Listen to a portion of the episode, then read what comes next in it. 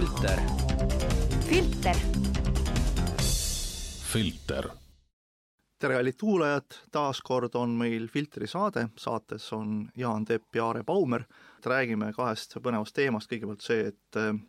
kust tuleb tolm ja kuhu kaob raha ning teiseks, eh, milline on ohtlike religioossete kultuste mõju erinevate sootsiumi liikmetele ja kas on Eestis ka näha ette mingisuguseid ohtlikke kultusi tekkimas, välja arvatud siis poliitilised parteid loomulikult, aga aga loomulikult Ameerika näited on siin nagu hea, hea võtta ja analüüsida täna. aga alustame siis rahast ja vaata, sa ennem, Aare, just ütlesid, et et kuidas tekib mingisugusele tootele mingi hind või, või mingi väärtus ja me rääkisime siin lõhemarjast, et jah, ma, ma, ja ma lõikaks kohe vahele, et, et kuulaja aru saaks, et paar päeva tagasi käisin poes ja lähen, käin sealt riiulite juurest mööda, vitriinide juurest ja avastan selle, mida ma muidugi ammu tean, aga avastan siis selle, et lõhemarja konservid on seal väikselt kenasti välja pakutud ja kilohind jäi sinna kuskil kahesaja kanti ja kolmesaja kanti. aga lapsepõlves ma õppisin selle kuulsa lause ära, et lõhe koeb miljon marjatera ja vot siis tekkis mul niisugune saladuslik küsimus või niisugune müstiline lausa, et kuidas on nagu võimalik, et kui lõhe koeb miljon marjatera, siis miks poes on see miks see sajagrammine karbike, karbike maksab seal kakskümmend viis või kolmkümmend euri. et vaat see, et, et no nendest miljonist peaks ju kõigile nagu nii-öelda öeldakse suuseks saama, ehk siis saaksime kõik, aga et millegipärast on ikka see hind on nagu hästi kõrge. lõhe seda muidugi ei tea, tema üldse kasutada ei saa. ja siis jäigi mul mulje, et aga lõhe hind, marja hind võiks olla ju tegelikult väga madal, sest need miljonid marjaterad võiksid ju kõik kõigile meile siin nii-öelda taskusse või selles mõttes, vabandust, ma tahtsin suhu sattuda. aga et rahamaailmas on ka analoog sellele, siis ma arvan, Jaan, sina tead seda paremini rääkida. ja, ja, ja, ja jõudeski nagu selle juurde, et miks üks toode on ühe hinnaga, teine toode teise hinnaga, noh, me võime siin võtta näiteks luksusauto Maybachi hind, mis, mis küünib sinna poole miljoni juurde ja, ja samuti on tal ikkagi neli ratast ning viib meid kohale ka kui, kui Škoda. aga vaatamata sellele on temal mingisugune hind, mis paneb tavainimest nagu õhku hahmima. ja lõhega ja lõhemarjaga on tegelikult sama lugu, eks ole, kunagi kunagi ikkagi nagu on meile pähe taotud mingisugune pilt sellest, et aadlikud söövad lusikaga kaaviari ja, ja joovad peale siis šampust. Ja see on selline nagu sünonüüm siis luksuslikust elust ja vaata, kui on luksusliku elu sünonüüm, mille poole sa tahad pürgida, siis see loomulikult kujundab ka hinna ehk, ehk selle kalamarjaga nagu natukene on selline lugu, et, et see on niisugune kokkuleplus, nii nagu rahamaailmas on kokkuleplus, et me lepime kokku, mis on kulla hind, me lepime kokku, mis on Maybachi hind, me lepime kokku, mis on raha hind, vaata kui naljakas, eks ole, rahal on hind, et tavaliselt on see, et asjal on hind, mis me siis konkreetselt ühe või teise asja eest siis raha välja käime, aga tegelikult on ka rahal hind ja selle raha hinna mõõdikuks ongi siis intress, et kui suur see intress siis nagu on. aga tulles tagasi selle kalamarja ja siis rahamaailma seoste juurde, et, et nii nagu mõnes mõttes siis lõhe koeb, nagu sa ütlesid, miljon tera, nii tegelikult siis ka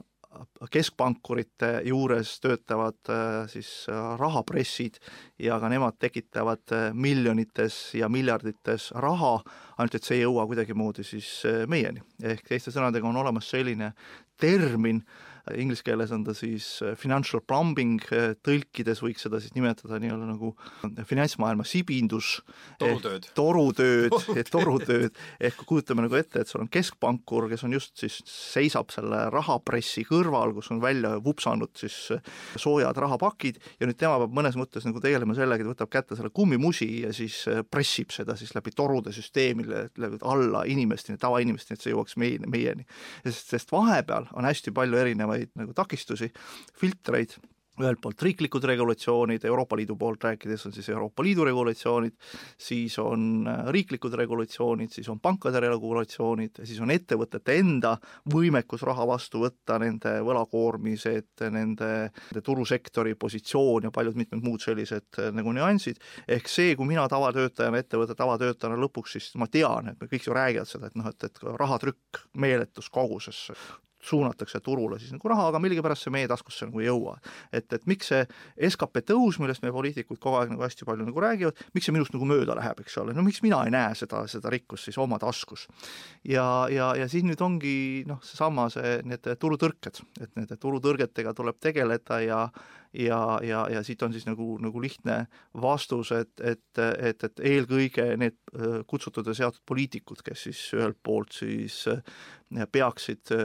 hoolitsema selle eest, et see raha meieni jõuaks peaks ka endale teadvustama, et millised need turutõrked konkreetselt ühes või teises ühiskonnas on. ja kuigi nüüd äh, pigem mina näen pidevalt sellist inimeste nagu hirmutamist, et tuleb inflatsioon ja kogu meie majandus kukub uppi, et näed, nii palju on raha juurde trükitud, et kõik läheb nagu tagurpidi ja majandus kukub kokku ja ettevõtted lakkavad töötamast. inflatsiooni lihtsustatud termin, kui seda võib nii öelda, tähendab seda, et liiga palju raha ajab taha, taga liiga vähe kaupa ehk noh, me, me paneme siia juurde veel mingisugused kaks nüüd hiljutist ähm, nagu tõrget, mis on tekkinud, ühelt poolt on meil Covidi tõrge olnud, kus tehased on pandud seisma, teiselt poolt on meil olnud üldse kogu tarneahelate tõrge, tõesti, ja nüüd ühelt poolt pressitakse meil ülevalt siis finantsturgudelt ja kapitaliturgudelt raha siia alla, ehk raha on rohkem, kui on kaupa, mida osta. noh, võib-olla kui sa lähed tava Selve poodi, siis seda see kusagilt sul vastu ei vaata, eks ole, kui sa lähed, mina olen huvi pärast käinud näiteks kinnisvarasektoris, on see täiesti nähtav. Äh, auto müügisektoris on see täiesti nähtav. ma just tahtsingi küsida, et kas sa oled nagu käinud rikaste inimeste poes? no olen käinud huvi pärast, et ma just huvi pärast mõtlesin, et meil on niisugune firmas kümme aastat vana üks äh, Fordi kastikas, et, et lähen siis küsin, äh, et, et kas teil noh, kui nüüd tahaks vahetada, et, et kas teil on mulle midagi pakkuda. ja siis salongis äh, toimetav asjalik härrasmees ütles mulle, et oi-oi-oi, et kui on kümme aastat vana auto, hoidke seda, ärge jumala pärast seda maha müüge, sellepärast et et teate, me ei tea, millal tulevad uued, uus kaup, et või võib-olla järgmine aasta, et tuleb uus kaup. ehk noh, see on nagu mõnes mõttes näide sellest, et noh, inflatsioon mõnes mõttes on jõudnud meieni. nüüd rääkides sellest, et, et inflatsioon lükkab kogu siis meie majanduse nagu uppi, vaid noh, et poolt ei ole meil nagu tar-, nagu kaupa, mida osta, teiselt poolt ka ettevõtted ei, ei jaksa toota, siis on nagu pooltõde, et, et loomulikult liigsel inflatsioonil on, on, on, on oma, oma risk, ehk, ehk kui, kui kujutad sa ette, et sul on see kaheeurone münt taskus ja nüüd sa mõtled, et mul on neid kaheeuroseid nii palju, et ma noh, kulutan seda sinna, kuhu ma seda varem ei ole kulutanud, et kui sul selline tunne on tekkinud, siis järelikult, et sa oled läinud nagu inflatsiooniga kaasa. kui sul on taskus hoiad oma kaheeurost münti ja sa keerutad seda näpu vahel ja sul on tõeliselt kahju seda kaheeurost münti nagu käiku lasta,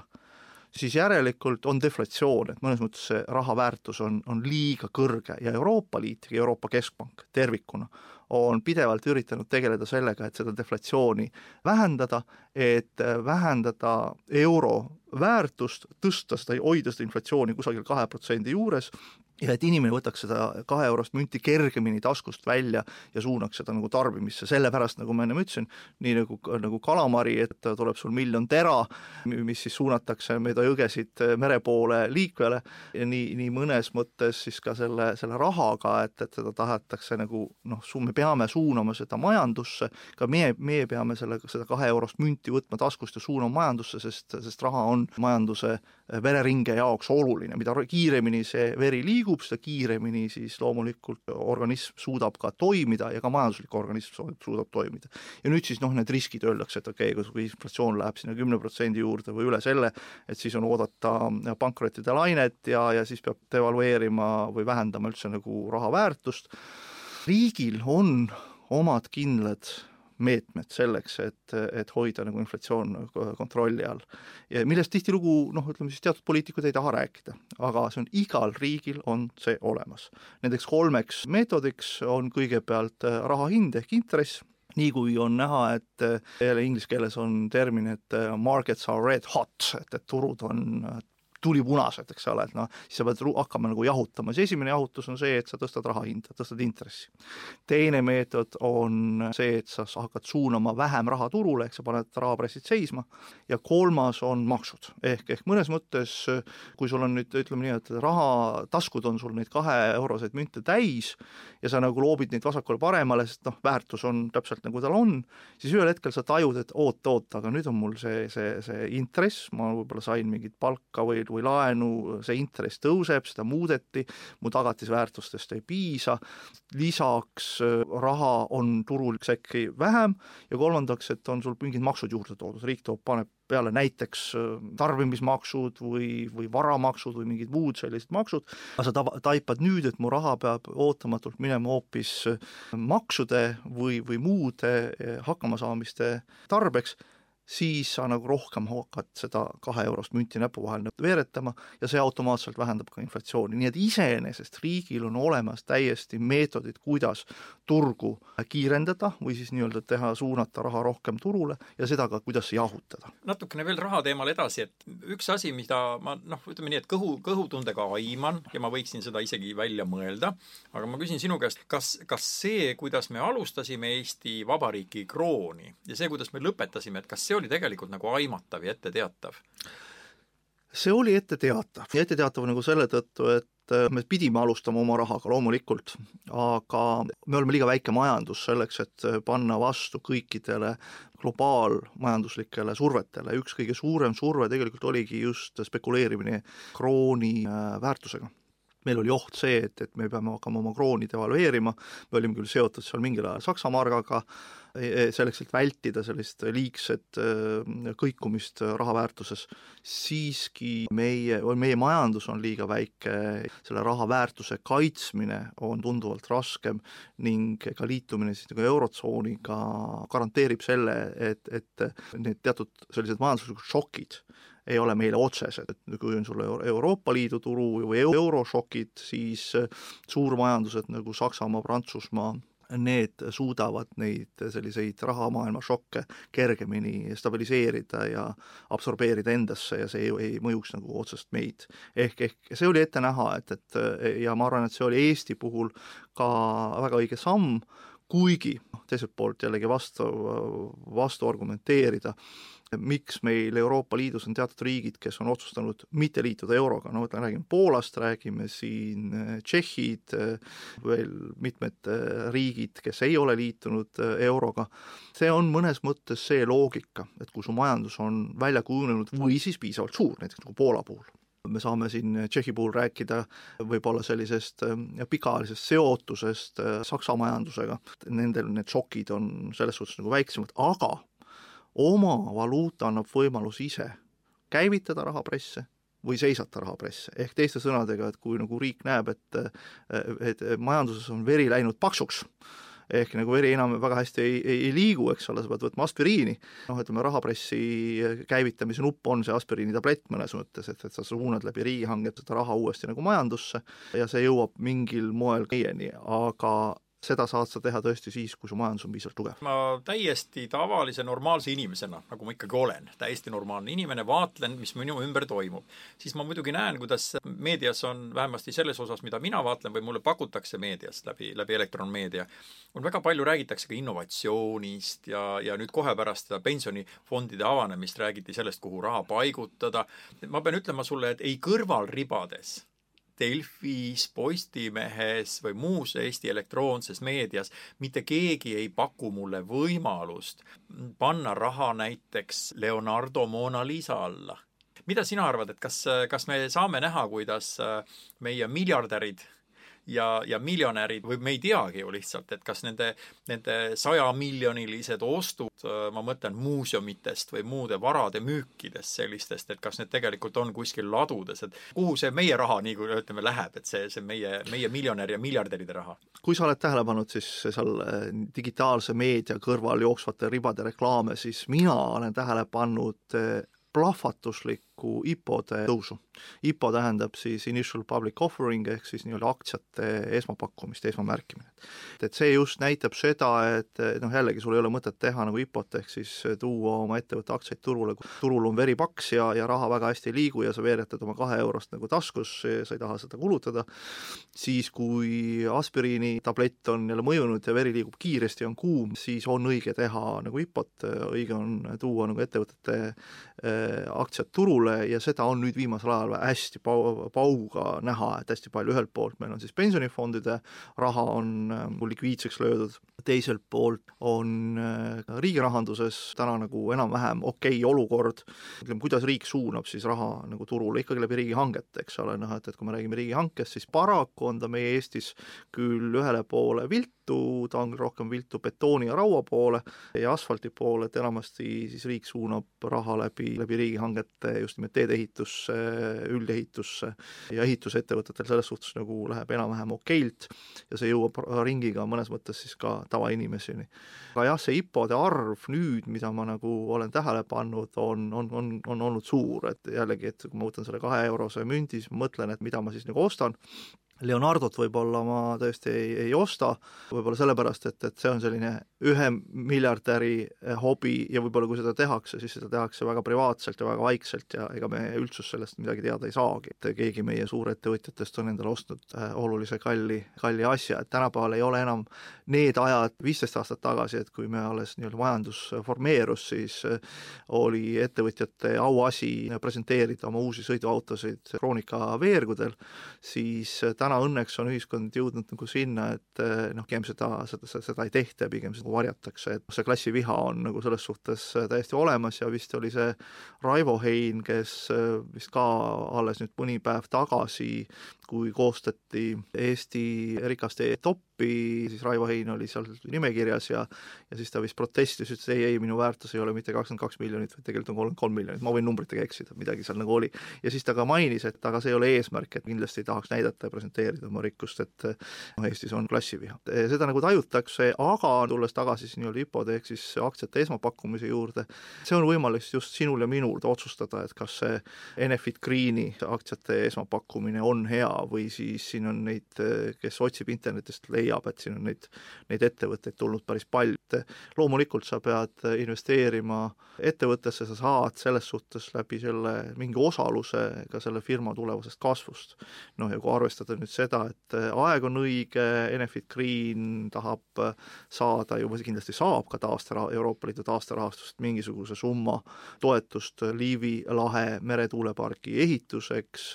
siis miks mitte, et see ei pruugigi olla vale otsus, aga see on iga, iga, iga inimese enda otsus. sa jõudsidki väga huvitava teema juurde, et iga inimese enda otsus, et ma, ma siit natukene keeraks seda, seda meie jutu teise kandi peale, et ma olen kuulnud selliseid omapäraseid lugusid Inglise aadlikest, kes istuvad oma lossi otsas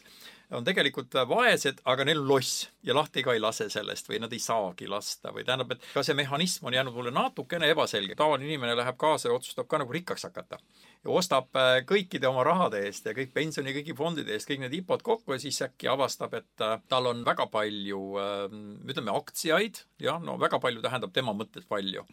aga tegelikult on nagu vaene. likviidsust ei ole. ja, aga vaene, tegelikult ja, on vaene. see on, see, see, mida sa puudutad, on likviidsus. et, et, see ongi see, et ühed, sul on likviidsed varad ja mittelikviidsed varad, eks ole, see loss ei pruugi olla üldse likviidne vara, eks ole, sul on ta nii-öelda bilansis, on ta sul väärtusena üles võetud näiteks miljoni euroga, aga ta ei ole sul likviidne, ta nõuab sul pigem seda likviidset raha, seda kahe eurost münti taskus, sa pead sinna toppima selle ülalhoidmiseks pidevalt raha juurde, eks. seda ma nagu tahtsingi öelda, nüüd juhtubki see, et oletame, rebin kokku siit ja sealt saan oma tuhat, tuhat viissada kätte mm -hmm. ostan selle eest ja nüüd vaat selle, selle väikese minu portfellikese ülalpidamiskulud on tegelikult suuremad kui, kui ma olen sinuga nõus, ma olen sinuga nõus, tihtilugu äh, on öeldud ka, et, et IPO hind või see, millega tihtilugu aktsiaid pakutakse, on ülehinnatud ja pärast nagu, nagu see aktsiaemissioon ära tehakse, nii need aktsiate hinnad ka kipuvad nagu kukkuma, et ühel hetkel sa avastad, et, et sa panid küll tuhat eurot sisse, aga selle, selle portfelli väärtus on tegelikult ainult kolmsada eurot ja see on ka nagu see risk. ennem aktsiate esmapakkumist pumbatakse loomulikult äh, sinna õhku sisse. et see on nagu tõsi. investeerimine ei ole lihtne ja tihti on ka ütelus, et äh, ma olen kuulnud äh, New Yorgis Wall Streeti pankurid, kui nad lõpetavad tööpäeva ja kutsuvad takso ja siis taksojuht hakkab temaga arutlema, et, et mis sa arvad, et kuhu, millisesse aktsiasse ma võiksin oma raha panna, siis see on selge signaal pankurile, et, et müü. Et turg on üle, üle kuu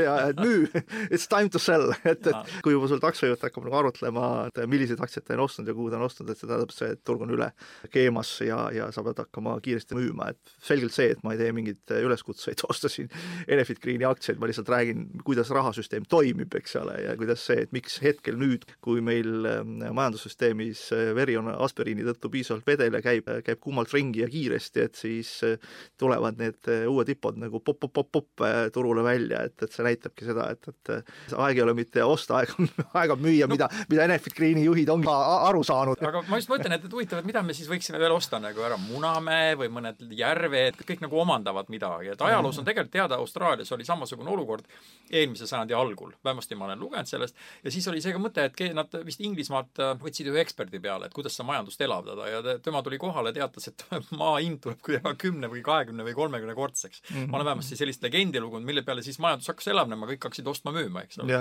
et ma just mõtlen ka, et, et millal me siis nagu jõuame nende järvede või on see juba nagu läinud juba või see rong? kui lihtsustatult vastata, et, et kuhu investeerida, siis eelkõige kui nüüd keegi meid, meid kuulav inimene on ettevõtja, siis ta peab kasvatama oma ettevõtet ja hindama seda, mis tal omal kahe kõrva vahel on. see, mida sa teed, tee hästi ja ära viskle erinevate sektorite vahel, ehk ära võta sisse riske, mida sa ei suuda hallata. sa nagu võtad, vaatad oi-oi, kui palju huvitavaid erinevaid IPO-sid on turul või et oo, kõik räägivad Bitcoinist, et oh, ma siis ostan ka, et, et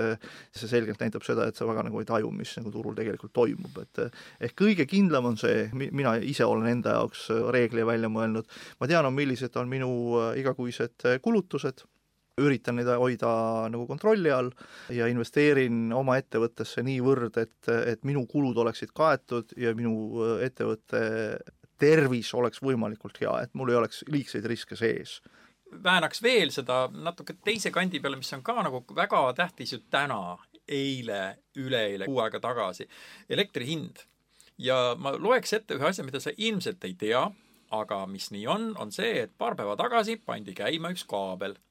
see kaabel oli siis selline, mis ühendab omavahel Norra ja ühendab omavahel Inglismaa veealune kaabel, neljasaja viiekümne miiline seda Eestis muidugi ei räägitud, aga küll aga mulle meeldis see artikkel, sellepärast selle artikli esimesed laused kirjeldasid väga lihtsalt, et nüüd saavad inglased ühineda Norra taastuvate energiate hüdropoweriga ehk siis selle hüdroenergiaga. samal ajal kui mina loen lehtedest, et Norra tammid on, seisavad kuivalt ja nende veekogud on täiesti tühjad ja nii edasi, nii edasi, elektri hind on sellepärast kõrge, et vett ei ole kui sa nüüd niimoodi kogu maailma pealt saad neid sõnumeid, jah, siis noh, inglased, kui nad loevad, siis nad peaksid ju rõõmust ju lakke hüppama, sest et ometi lõpuks Norra mägede vesi nii-öelda läbi turbiinide tekitab elektrit ja jookseb neile. meie teame, et Norrast ei ole üldse elektrit on vähe saada ja see on tohutu kallis. see oli tegelikult ühe koma kuue miljardi eurone projekt, siis äh, Põhjamere link. kas on niimoodi, et, et nagu siis inglastele antakse üks sõnum ja öeldakse, et meil on väga hästi, nüüd on see lingitud siis eestlastel tuleb teine sõnum. no õnneks kaablis jooksevad elektronid kahtepidi, eks ole, nagu sa, nagu sa tead, et ega nüüd on sõltuvalt sellest, et kas Norra reservuaarid on täis või tühjad ja sõltuvalt sellest ka otsustatakse, mis pidi need elektro-, elektronid jooksma hakkavad. Suurbritannia on hästi palju investeerinud avamere tuuleparkidesse, mida meile täna, meie meedia on rääkinud, et on halb kokkusattumus, et ühelt poolt on vähe tuult ja teiselt poolt ei ole ka vett, kaks halba kokkusattumust, kas see on nii-öelda kliimamuutustest põhjustatud nähtus, mis süveneb, või on see erakordne lihtsalt aasta selline, ikkagi see kaabel on mõeldud teenindama mõlemat poolt, et see ei ole nagu ühesuunaline kaabel, et, et kui me räägime siin torujuhtmest Nord Stream kaks, siis see on nagu selgelt ühesuunaline Vene gaasi suunamine Saksamaale või Euroopa turule see Inglismaa ja Norra kaabel ikkagi on kahesuunaline ja see sõltubki, kus parasjagu puudus on. Ja võib ka olla niimoodi, et see kaabel jääb mingil hetkel lihtsalt seisma, lihtsalt pannaksegi ta seisma, üldse mitte midagi sealt ühte ja teise poole ei jookse, sellepärast et kui me täna näeme, et Inglismaal on probleeme kütusetarnetega, siis loomulikult on neil probleeme ka gaasitarnetega, väga palju on neil ikkagi nagu koostootmisjaamu, mis töötavad gaasi peal ja mis toodavad siis elektrit, millega siis tõesti majapidamisi valgustada ja soojas hoida kui neid gaasitarneid pidevalt ei tagata ja tekivad nagu tõrked, nagu me oleme näinud just viimasel ajal, siis on võib-olla tõesti Inglismaa lihtsalt kohustatud selleks, et oma elektribilanssi tagada selleks, et oleks miinimum oleks olemas, et sul ei tekiks nagu blackout'e. siis nad on valmis ostma seda elektrit Norrast või ükskõik kust kohast, ükskõik mis hinnaga, aga sa pead eelkõige tagama selle kohustusliku miinimumi. ja siis on lihtsalt äh, riigi sekkumine, enne me rääkisimegi siin rahamasinatest, riik ei osta mitte mingi aktsiaid kusagilt turult, muid ettevõtteid, vaid ta on sunnitud suurendama oma võlakoormat selleks, et tagada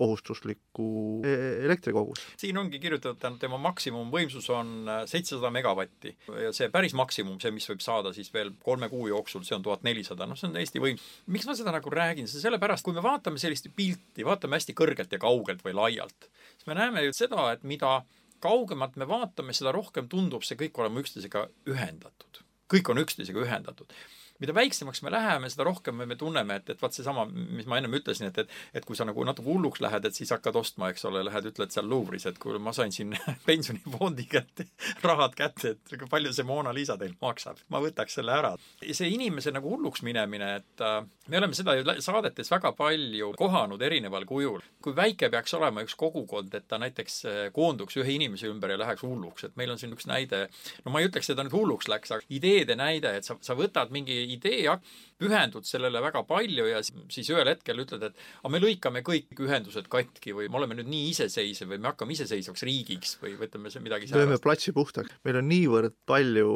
iseseisvust juba olnud eh, kolmkümmend aastat pea ja, ja väga juba võiks öelda, et välja kujunenud nagu ühiskond ja me tuleme loosungiga, mis tõesti sobis sinna üheksakümnendate teise poolde. teine asi oleks see, kunagi Edgar Savisaar poseeris eh, poksikinnastega, noh, see on midagi sarnast, ma kujutaksingi ette, et plats puhtaks loosungi alla sobiksid kõikide nende poliitikute pildid poksikinnastega, et noh, me, me tahame kakelda.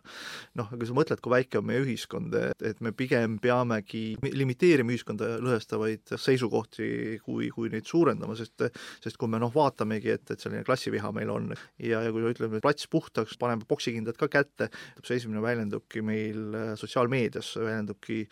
meeletus üksteise klobimises sotsiaalmeedias või ütleme siis oma pisikeses töökollektiivis üksteise klobimises nälgimist ja vihkamist, vastumeelsust, et noh, ikkagi see stabiilsus on ikkagi oluline, kui me nüüd räägimegi, toome selle siis üle, et mis on kiriku roll sellise stabiilsuse saavutamisel, siis see roll on väga oluline.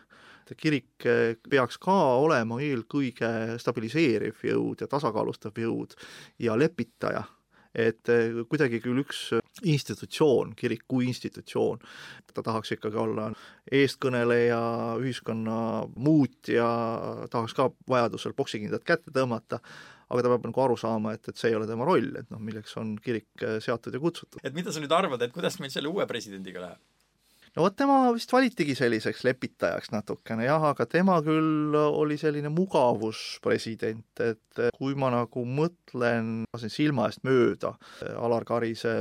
viimased, ütleme siis kakskümmend aastat, kus ma teda näinud olen, et siis ta korraks tuleb esile, et ta oli siin rektor, seal rektor ja, ja, ja kunagi ma ei ole tema ümber näinud ühtegi selles, selles suhtes nagu teravat sõnavõttu või, või poleemikat meedias, et ta on niisugune mugav inimene, kes ei võtagi, ütleme, poksikindadki välja, eks. Ta nagu selles suhtes võiks olla hea ühiskonna lepitaja. kas ta on aga Riigikogu jaoks äh, mugavuspresident, seda annab hiljem näha, vaata nagu ka öeldi, et meil on vaja president, Eesti, riigile, mitte Riigikogule. kui meil eelmine president ikkagi julges tulla EKRE ministrite ametisse nimetamisel Riigikokku pusaga, et sõna on vaba, siis, siis see oli tegelikult väga tugev sõnum ja, ja, ja ütleme, mõnes mõttes ka tugevaid sõnumeid peaks ka riigijuht evima. küsimus ongi see, et, et kas see nüüd meie uus president on valmis selliseid seisukohti võtma või mitte. me oleme muidugi seda teemat ju ennem käsitlenud, aga mõte on siis selles, et kas meie ühiskonnas on nagu võimalik, et esile tõuseb kultus baseerunud väike kogukond, kes siis hakkab määrama poliitilist tegevust, et riik... no oht on, oht on. sellepärast suunan, et tegelikult Ameerikast, kus on, meie käitumine on teistsugune. et meie käitumine siin Eestis on natuke kliimast tulenevalt ratsionaalsem kliimast tulenevalt ratsionaalsem, et jõuluks on vaja siga ära tappa ja ongi kõik, et ükskõik, meeldib või ei meeldi. aga et see mõte on jah selles, et kui ma siin äh, sain mõned nädalad tagasi väga huvitava informatsiooni igasugustest kultustest, ma olen päris palju kuulanud, aga, aga ja näinud neid, aga aga see oli huvitav, sest esiteks seda naist, kes pildi peal on, selle, tema nimi on Gwen Shamblin ja mm, ma nägin teda KTV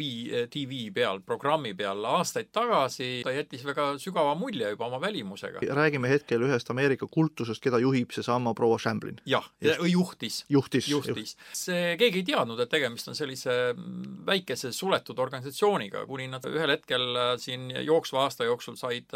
said surma. lihtsalt sõites lennukiga ühest oma rantsost teise ja muidugi pärast seda avanes äh, natuke teistsugune pilt sellest, et äh, võib, võid siin tsiteerida, proua Champlin siis äh, aastaid projekteeris oma helendavat elustiili, mis siis pidi tähendama tegelikult seda, et et söö, mida tahad, aga võta kaalus alla ja, ja siis nii-öelda Jumal aitab sind jah. kui sa hakkad nagu väga palju sellesse sisse minema, siis, siis võib juhtuda ju niimoodi, et inimene ju lukustub iseendasse, et hakkabki uskuma. ja et siis see proua Chamblini eh, kultus, mille ta enda ümber viimase seal ka paarikümne aastaga lõi, oligi siis seotud, kui lühidalt kokku võetud, dietoloogiline kristlik kultus, oli diet-, dietoloog ja siis toitumisspetsialist, kes ei tahaks olla kõhna ja kena. mis, mis, mis, mis selle ohtlikuks tegi, oli see, et ta muutis selle kultuseks ja mängides inimeste mõnes mõttes madalatel instinktidel, me tahame samastuda me tahame samastuda Marilyn Monroe'ga, Ramboga, you name it, et erinevaid eh, selliseid kujundeid meedia ju meile loob, aga nad enamasti on siis lihastes kõhnad, kenad, sportlikud, aga paraku arvestades Ameerika suhteliselt e-, ebatervislikku toitumisharjumusi, milles on väga su suur süü tegelikult ka GMO toitudel ja üleüldse halval toitumisharjumusel, on nagu see ülekaalulisuse pro-, probleem ikkagi Ameerikas väga suur. proua Shamblin lihtsalt nagu tabas ära, et, et aga need on ju väga kergesti manipuleeritavad inimesed ja hakkaski neid siis manipuleerima, et mina dietoloogina ja kristliku jutlustajana ütlen, et, et minul on otseside Jumalaga ja ma suudan teile seda edasi anda ja öelda, kuidas teie ennast hästi tunneksite, kuidas te kõhnaks saate ja aga ta, ta muutiski selle ohtlikuks kultuseks. võetakse väga kindel sihtgrupp sa baseerud selle nendel inimestel, aga nad ei märka seda. haritus või siis haridustase ei ole piisav selleks, et analüüsida keskkonda milles nad tegelikult on ja millega nad kaasa lähevad. ja, ja samaaegselt on see väga hea teema sellepärast jälle, et kui sa nagu vaatad, mida nad siis räägivad, siis nad tegelikult räägivad seinast seina. kui kõik kokku koguda, siis sa näed, et see nagu öeldakse, öeldakse, issanda loomaaed on kirju, aga samas nagu sa vaatad, et see, kuidas see võimalik on, et nad kõike teevad ühte, aga neid ühendab üks asi, need üks ühisosa on just nimelt see usaldamatus riigi ja selle institutsioonide suhtes. et noh, Ameerikas on mõnes mõttes vabadusi rohkem, nende vabaduse mõiste on natuke teistsugune meie vabaduse mõiste, me oleme seda ennem käsitlenud. see, sellel väikestel organisatsioonidel ei ole väga suurt mõju, aga noh, samas nad tõmbavad niite. kui me vaatame ka Brexiti poole pealt, siis piisas ju tegelikult äh, bussi peale kirjutada kolmsada viiskümmend miljonit, sõita sellega ringi, väga aktiivselt tegutseda ja kõik on paigas. ja üks äh, hoiatav näide mm, eksisteerib ju näiteks vabariiklaste ringkonnas USA, äh, Ameerikas, eksisteerib üks teatud seltskond, kes, kes on kindel, et nad elavad paralleelmaailmas. ehk siis selles maailmas tõepoolest ei ole Biden võimul ja ta ei ole le legitiimne president. ja nad usuvad seda ja nad usuvad ja nad usuvadki, et, et sa kujutad ette, et luuakse mingi paralleelne süsteem, et ma olen seda ulmeraamatutes ainult lugenud, nüüd ma näen seda reaalselt toimimas ja vaat see on nagu huvitav, et mida sa see on nagu jah, natukene sotsiaalmeedia paradoks, et aga noh, ma korrigeeriksin võib-olla, kui sa ütled, et Ameerikas on rohkem vabadusi kui Eestis, siis äh, ma pigem väidan vastupidist, et äh, Eestis on rohkem vabadusi kui Ameerikas et Ameerikas on välja kujunenud reegleid ja ka tänu sellele, et neil on ainult kaheparteisüsteem,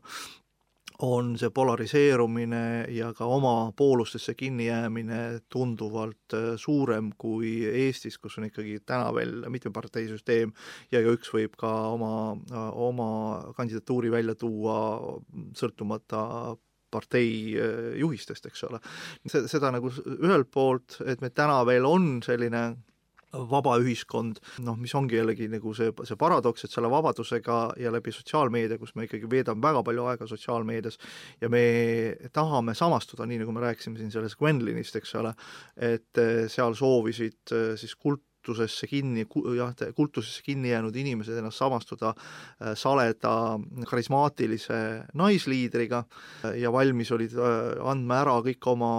majandusliku vabaduse, otsused oma raha kasutamise üle, otsused oma perekonna heaolu üle, mõnes mõttes tähendab, mina muutun ohtlikuks nende erakondade suhtes, kes rõhuvad mingisuguseid väga tugevaid moraalseid ja eetilisi tõekspidamisi ja toob seda oma, ütleme, partei programmis esile. see tähendab seda, et nad tahaksid otsustada minu veendumuste ja minu tõekspidamiste sfääri üle. aga sinna ma küll parteid lasta ei tahaks, eks ole, nii nagu kohalike omavalitsuste valimisel ikkagi eelkõige me peame teadma, mis on ühe omavalitsuse eesmärk, see on hoida teed korras ja lasteaiad toimivana, ja kui ütleme, üks kohalik omavalitsus pürgiv poliitik ütleb, et, et, et me, meie oluline eesmärk on näiteks, ma ei tea, Jõelähtmes see, et igal pühapäeval inimesed panevad Eesti lipu välja me tahame selle vastu võtta seadusena, siis ma muutuksin nagu ettevaatlikuks, et eh, ma kohe mõtlen, mis on järgmine samm, sest ta tahab juba nii-öelda siseneda minu tõekspidamiste sfääri. selles suhtes eh, ikkagi ka partei ja erakond peab eelkõige otsustama Eesti majanduse üle ja jah, loomulikult me, meil on olemas põhiseadus, põhiseadus räägib meil ka keelest ja kultuurist, aga keel ja kultuur, selleks on omad meetodid, eks ole, et meil on riigieelarve, riigieelarvest me subsideerime erinevaid kultuuri kultuuriasutusi ja meil on ka Keeleamet äh, ja meil on ka muud erinevad instrumendid, mille kaudu me siis tagame, et eesti kultuur ja keel säiliks, aga hakata seda kuidagimoodi erakondlikult äh, eraldi rõhutama, ma arvan, et, et see, see on ikkagi see, et riik tahab tungida minu erasfääri, ehk, ehk kui kunagi, see oli veel Thatcheri ajal, kui Põhja-Iirimaa konfliktid äh, valgusid Londoni tänavatele, siis äh, Thatcher ütles, et, teeme küsitluse, et kas, kas britid sooviksid oma tänavatele lisabobisid, noh siis politseinikke, kes nüüd mustade mütsidega, kiivritega ringi käivad, tegi selle kohta nagu arutelu või, või, või siis sellise referendumi ja enamus inimesi ütlesid, et me ennem oleme valmis iirlaste pommideks, kui, kui kaotame oma vabadust omal tänaval et, et me nagu ei so-, ei soovi riigi tugevamat sekkumist, äh, isegi kui see on nii-öelda mõeldud äh, turvalisuse tõstmiseks, ehk nagu inglane instinktiivselt valis oma vabaduse siis riigi sekkumise asemel. küll aga jah, kui me nüüd võrdleme Thatcheri aega ja Iiri vabastusarmee aegset äh, Inglismaad tänase Inglismaaga, siis see ei ole võrreldav. täna ikkagi, kus on meil CCTV kaamerad iga tänavanurga peal ja enamasti siis näotuvastussüsteem ei ole omane mitte ainult nagu Hiinale, vaid on tegelikult omane ka kõikidele suurtele ka Euroopa linnadele, siis äh, juba noh, kaudselt me oleme teatud mingid vabadused juba nii ehk nii ära andnud. ütleme, see ego väljatoomine, vaata sa ütlesid ka minu ja minu, ma kuulasin kogu aeg, no minul on ka minu ja minu kogu aeg, et see on nagu ego. ehk siis äh, siit natukene hüppaks nüüd sellise teema juurde, kus üks ego on äh, veel tugevam, ta hoiab oma isiklikku ego nii tugevalt muutumatuna, et, et ta on muutunud äh, maailma kultuuri mastaabis fenomeniks. Ma olen näinud tema esinemist äh, läbi Youtube'i, tean teda ka aastakümneid, ta on üks performance'i, performance'ite esindaja, keda ilmselt eestlased tegelikult ei tea ja me rääkisime ju eelmine või üle-eelmine kord sellest, kuidas, milline on, on see mälu ero-, erosioon, et me lihtsalt ei tea sellest suurt midagi, et aga kuulajale ma võin öelda, et tegemist on ühe sellise naisega, kes on juba seitsekümmend neli aastat vana ja tema nimi on Marina Abramovitš. Abramovitš on siis C on lõpus sellise ülakomaga ja, ja vaadates tema videot, ma tean, ütlen, et see sõnum ja, ja see kõik, mida ta on arendanud aastakümnete jooksul, on väga tugev et see ei ole selline midagi, mis oleks tegelikult noh, minu jaoks lihtsurelikule arusaadav. aga samas see tõmbab nii tugevalt kaasa, sellepärast et ta ikkagi, ta, ta on nii suur ego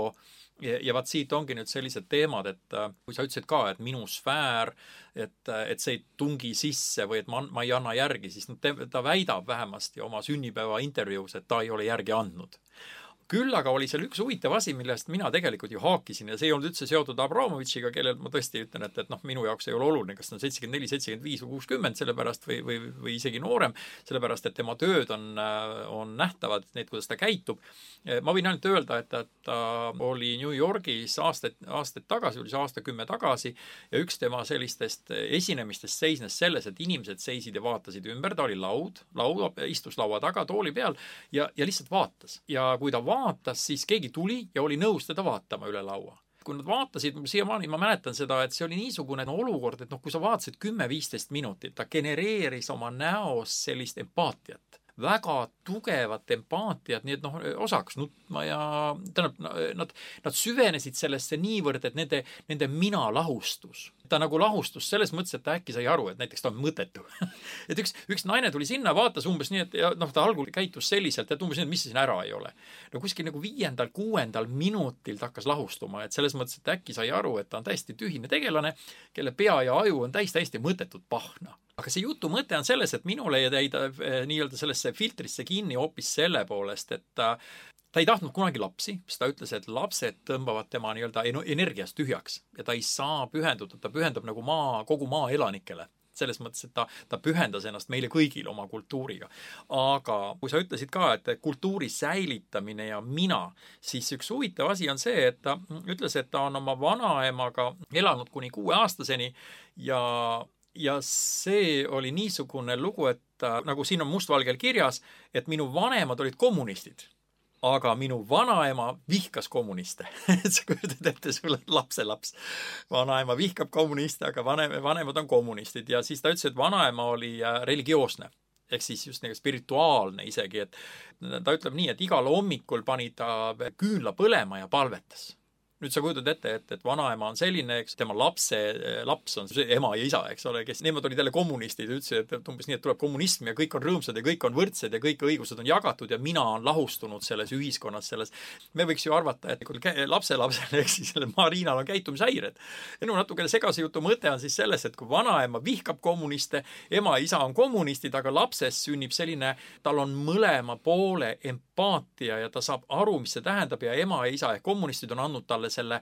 mõttelise võimu keskkonna üle ehk sa võid asju lahendada, aga vanaema on andnud talle sellise pidurdava jõu, mis ütleb, et loodusjõud on sinust alati üle. eks ta on nagu väike niisugune skisorida vist või ei ole või, või et oli oodata käitumishäiret, aga seevastu meil on tegemist tegelikult äärmiselt särava isiksusega performance'i maailmas see on huvitav näide, tõesti, ega, ega see, kus see hullumeelsuse piir jookseb, ega seda me ei tea, eks ole, et, et see võib ka siit keset lauda läbi joosta, see piir siin, et oh, aitäh, aitäh!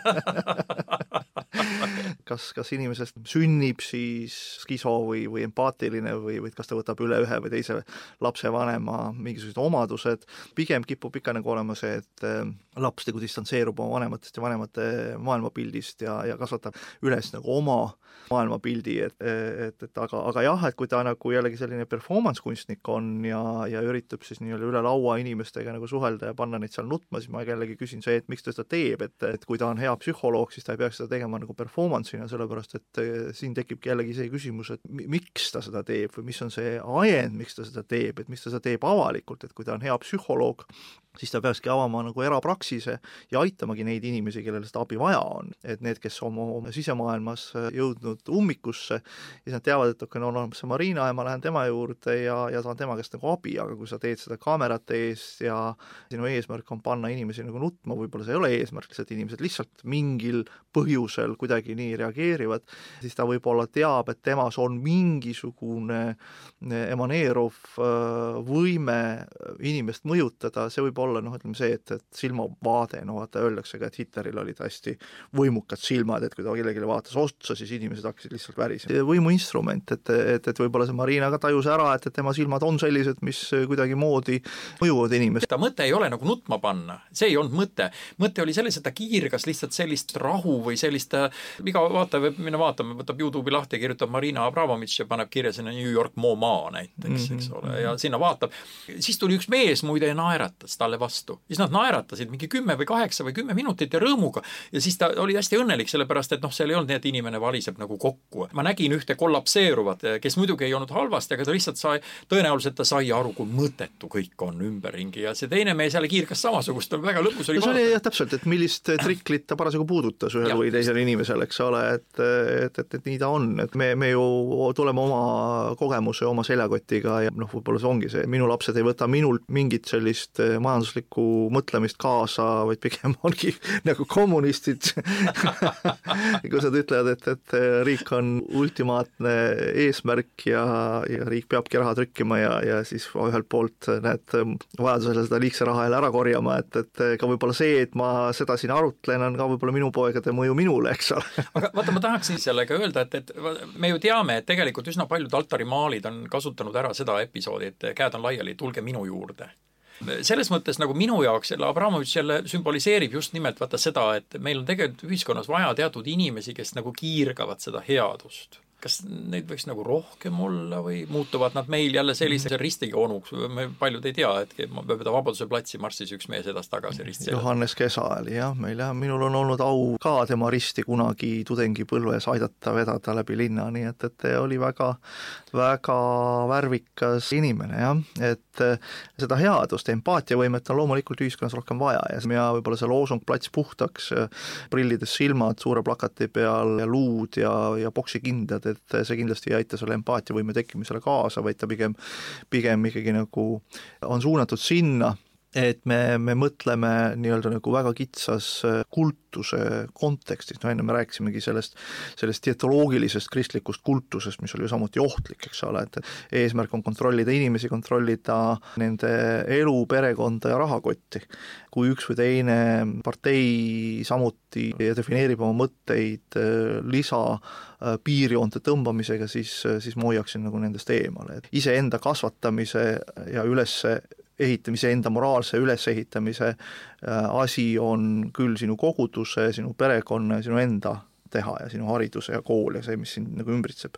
kui juba poliitikud ütlevad, et see on juba riigi ülesanne, et siis on midagi valesti. ma olen mitmes Facebook, äh, Facebookis, kes, äh, kelle, kelle liikmed enamuses on Ameerikas. olen seal, noh, need on amatöörteadlased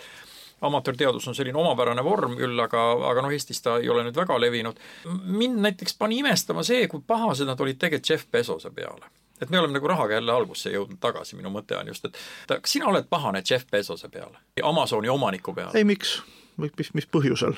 ma ise tellin ka nagu Amazonist ühte-teist ja kui mu keegi hakkab ütlema, et kuule, et, et ta on äh, amoraalselt rikas, seda ma kuulsin ka ühes oma äh, sõprade ringis, et, et kui ikkagi kiputakse ütlema hea ja halb skaalal, andma hinnangut, siis esimene asi ongi see, et lihtsustatud hea-halb skaala on juba ohtlik mõtlemise jaoks, sa juba kipud kinni jääma ühte või teise poolusesse. ja kui minu seltskonnas ka keegi ütles, et Jeff Bezos on nii amoraalselt rikas, siis äh, noh, ma nagu oponeerisin ja küsisin, et et esiteks ükski inimene ei suuda kulutada rohkem kui suhteliselt väike summa raha, eks ole, see võib olla küll tavainimese jaoks, kes võib-olla teenib kaheksasada eurot netos või tuhat eurot kuus netol, et kui ta ütleb, et, et Jeff Bezose igakuine kulutuste summa on noh, ma ei tea, ütleme kümme tuhat või, või viisteist tuhat või et, et see tundub nagu meeletult suur summa, siis maailma mastaabis või, või, või maailma revolutsiooni kontekstis on see täiesti mõttetult väike summa, lihtsalt inimene ei suuda, üks inimene, bioloogiline inimene ei suuda rohkem kulutada kui suhteliselt väikese summa iseenesest. kui me räägime Pesosest kui amoraalselt rikkast inimesest ja anname selle tõttu nagu hinnangu, siis see ei, ei, ei päde, sellepärast et ta ise ei suuda seda raha tarbida ja ta ikkagi nagu suunab seda erinevatesse projektidesse, mingisuguse rahakoguse hetkest hakkab inimene suunama seda projektidesse. ja nii, kui ta seda suunab projektidesse, see tähendab juba seda, et sellesse on kaasatud kaasa teised inimesed, kes saavad palka, kelle intellektuaalset võimekust ta siis kasutab ühe või teise eesmärgi saavutamiseks. ma olen tehnikahuviline, siis on, on väga rõõmus, et keegi arendas raketi välja. aga seesama Jeff Bezos on paha, seesama liikus edasi ka selle raketi ja kõigi nende reisijate peale, et seda oli huvitav jälgida ja kui ma küsisin, et miks see nii on, siis noh, Ameerika poole pealt tegelikult jah, seal, seal tuli lihtsalt vaikus, sellepärast noh, lihtsalt ongi paha et mina muidugi ei teadnud, kust nad oma informatsiooni said, aga see põhimõte oli just selles, et makse on vähem makstud ka meil tekitas see Eestis nagu nii-öelda teatud inimestes arvamusi, et, et et igasugune valskus, paha, maksud, optimeerimine, kõik väga halb. ja vot, vot nüüd ongi seesama küsimus, et mitu korda ma olen sinu käest ka küsinud, et Mona Lisa kohta. oletame, et ma saan järgmise Covidiga või, või ma ei tea, millega, eks ole, mingi lainega, rahalainega saan väga rikkaks ja kui ma nüüd oma raha kulutan nagu selle peale, et ma ostan Leonardo da Vinci, kes on tegelikult väga kuulus mees olnud, ostan Mona Lisa ära, et kas ma siis olen ka paha? Sõltub, mis sa sellega teed, et kui sa nagu sa ostad selle ära ja sulged selle pimedasse musta kasti või musta ruumi ja seda kellegagi ei jaga, ei näita, vaid käid üksinda siis niimoodi istumas seal tema ees ja siis sa ütled, et minul on, minul on, siis on sul midagi mõtlemises on nagu, nagu valesti, eks ole. aga nagu, nüüd ma püüdsingi su kinni, Jaan, sellepärast et nüüd ma püüdsingi, me oleme just õiges kohas. Ja nüüd ma ütlen sulle seda, kinnine ruum, suletud, see tähendab seda, et valgus ei pääse selleni, ma võtan sõna-sõnalt praegu, jah. Ja., kinnine ruum, valgus ei pääse selleni, tänu selleni footonid ei purusta seda Mona Lisat ära. Tuhande aasta pärast on inimesed, arheoloogid väga õnnelikud, et see Mona Lisa on olnud selles raudkastis Nad on väga õnnelikud no,. see on füüsil-, füüsiline maailm, see ja, ei ole nagu see eetiline, moraalne ja, ja vaimne maailm. vaata, kui hästi praegu oli, seda ma tegelikult ei seadnud sulle me-, see, see, ma ei olnud nagu puhk ja tead, ega nutsu, kes auku teevad elevantsile, vaid ma lihtsalt no need on natuke nagu paralleelid, nagu paralleelmaailmad, nagu paralleelmaailmad mõnes mõttes, et, et, et, et, et kui, kui, kui seda siis ka Luuvri muuseum teab, et, et, et tark oleks hoida Mona Lisat eh, pimedas mustas ruumis, siis küllap ta tegelikult seal kusagil mustas ruumis on ja me vaatame tegelikult reprot seal seinal seina peal ja käime ja imetleme ja räägime, räägime Leonardo da Vinci'st, eks ole, nii et, et, et äh, küllap on ka Luuvris piisavalt palju häid äh, tarku teadlasi, kes, kes ise langetavad selle otsuse, et mida ma siis nagu teen, kas ma näitan siis reprot seal seina peal ja hoian teda originaali seal kusagil kinni või mitte. oot, oot, oot, aga nüüd, nüüd me jõuame jälle sellesama, selle rahatrüki ja selle kõige juurde. et kuldmündi asemel on meil paberraha, mida, mis on tegelikult ju mõnes mõttes koopia, vaata kui juurde on vaja trükkida et, et siin ongi seesama küsimus, et, et me trükkisime raha juurde, siis noh, selles mõttes raha on ju koopia. ma saan aru, et ma ajan praegu niimoodi väärtushinnangut, et pankurid hoiavad kätte kinni ja õppejõud ka, eks ole, ütlevad, et teie raha on, see on ekvivalent aga meil oli Covid, meil oli vaja majandust arendada, meil trükiti lihtsalt raha juurde. no vaata, see ikkagi nagu äh, raha, raha väärtus baseerub millel, eks ole, ta nagu baseerub ühelt poolt siis äh, riigi SKP-l, et kui palju me suudame siis nii-öelda nagu majandust kasvatada, mitu protsenti, ehm, siis on selle raha suurusele, noh, palju siis selles konkreetses ühiskonnas seda raha tiirleb. Ja vanasti oli ta siis nii-öelda kulla ekvivalent, et palju meil siis, mitu kangi või mitu tonni meil kulda oli, nii palju me võisime siis seda raha emiteerida, aga miks sellest nagu loobuti, rahandusteadlased saidki, finantsteadlased saidki aru, et et eh, see veri on kogu aeg hirmus paks, meil on vaja nagu aspiriini, eks ole, et, et selle tõttu me ei saa raha juurde trükkida, kuna meil on nii-öelda see alusväärtuseks on kuld ja järelikult see paraku tekitab seda, et suurem osa ühiskonnast on vaene, mitte rikas, eks ole. ja, ja nüüd tekibki, tekibki see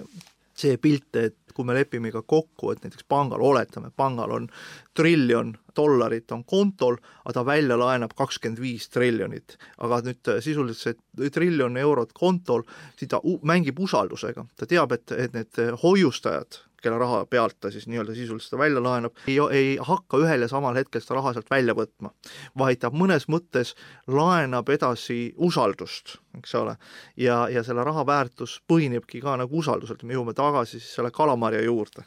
et, et, et kalamari kui selline kokkuleppeline väärtus, lähed poes, vaatad, et pisikene kalamarjapurk maksab sul kakssada eurot, et miks ta nii kallis on, miks ta on nii kallis, aga see ongi see, et, et see on teatud mõttes nagu kokkuleplus. Mona Lisa on ka kokkulepe moonulepp, jah, täpselt samamoodi kokkuleplus. ehk siin ikkagi me jõuame meemide juurde tagasi. Ehk et millised meemid on tugevad, need hakkavad mõjutama majandust, ehk, ehk meemimeistrid, palun hakake mõtlema, millised on need järgmised meemid, millega me hakkame siis majandust nagu mõjutama. et, et olgu see siis Mona Lisa või, või ol, olgu see siis filtrisaade, mida me oleme siis nüüd üritanud teiega koos siin tund aega teha, et, et jah,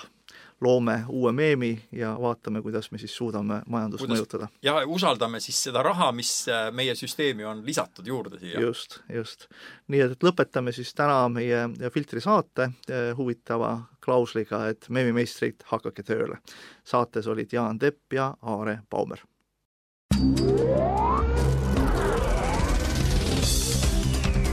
filter.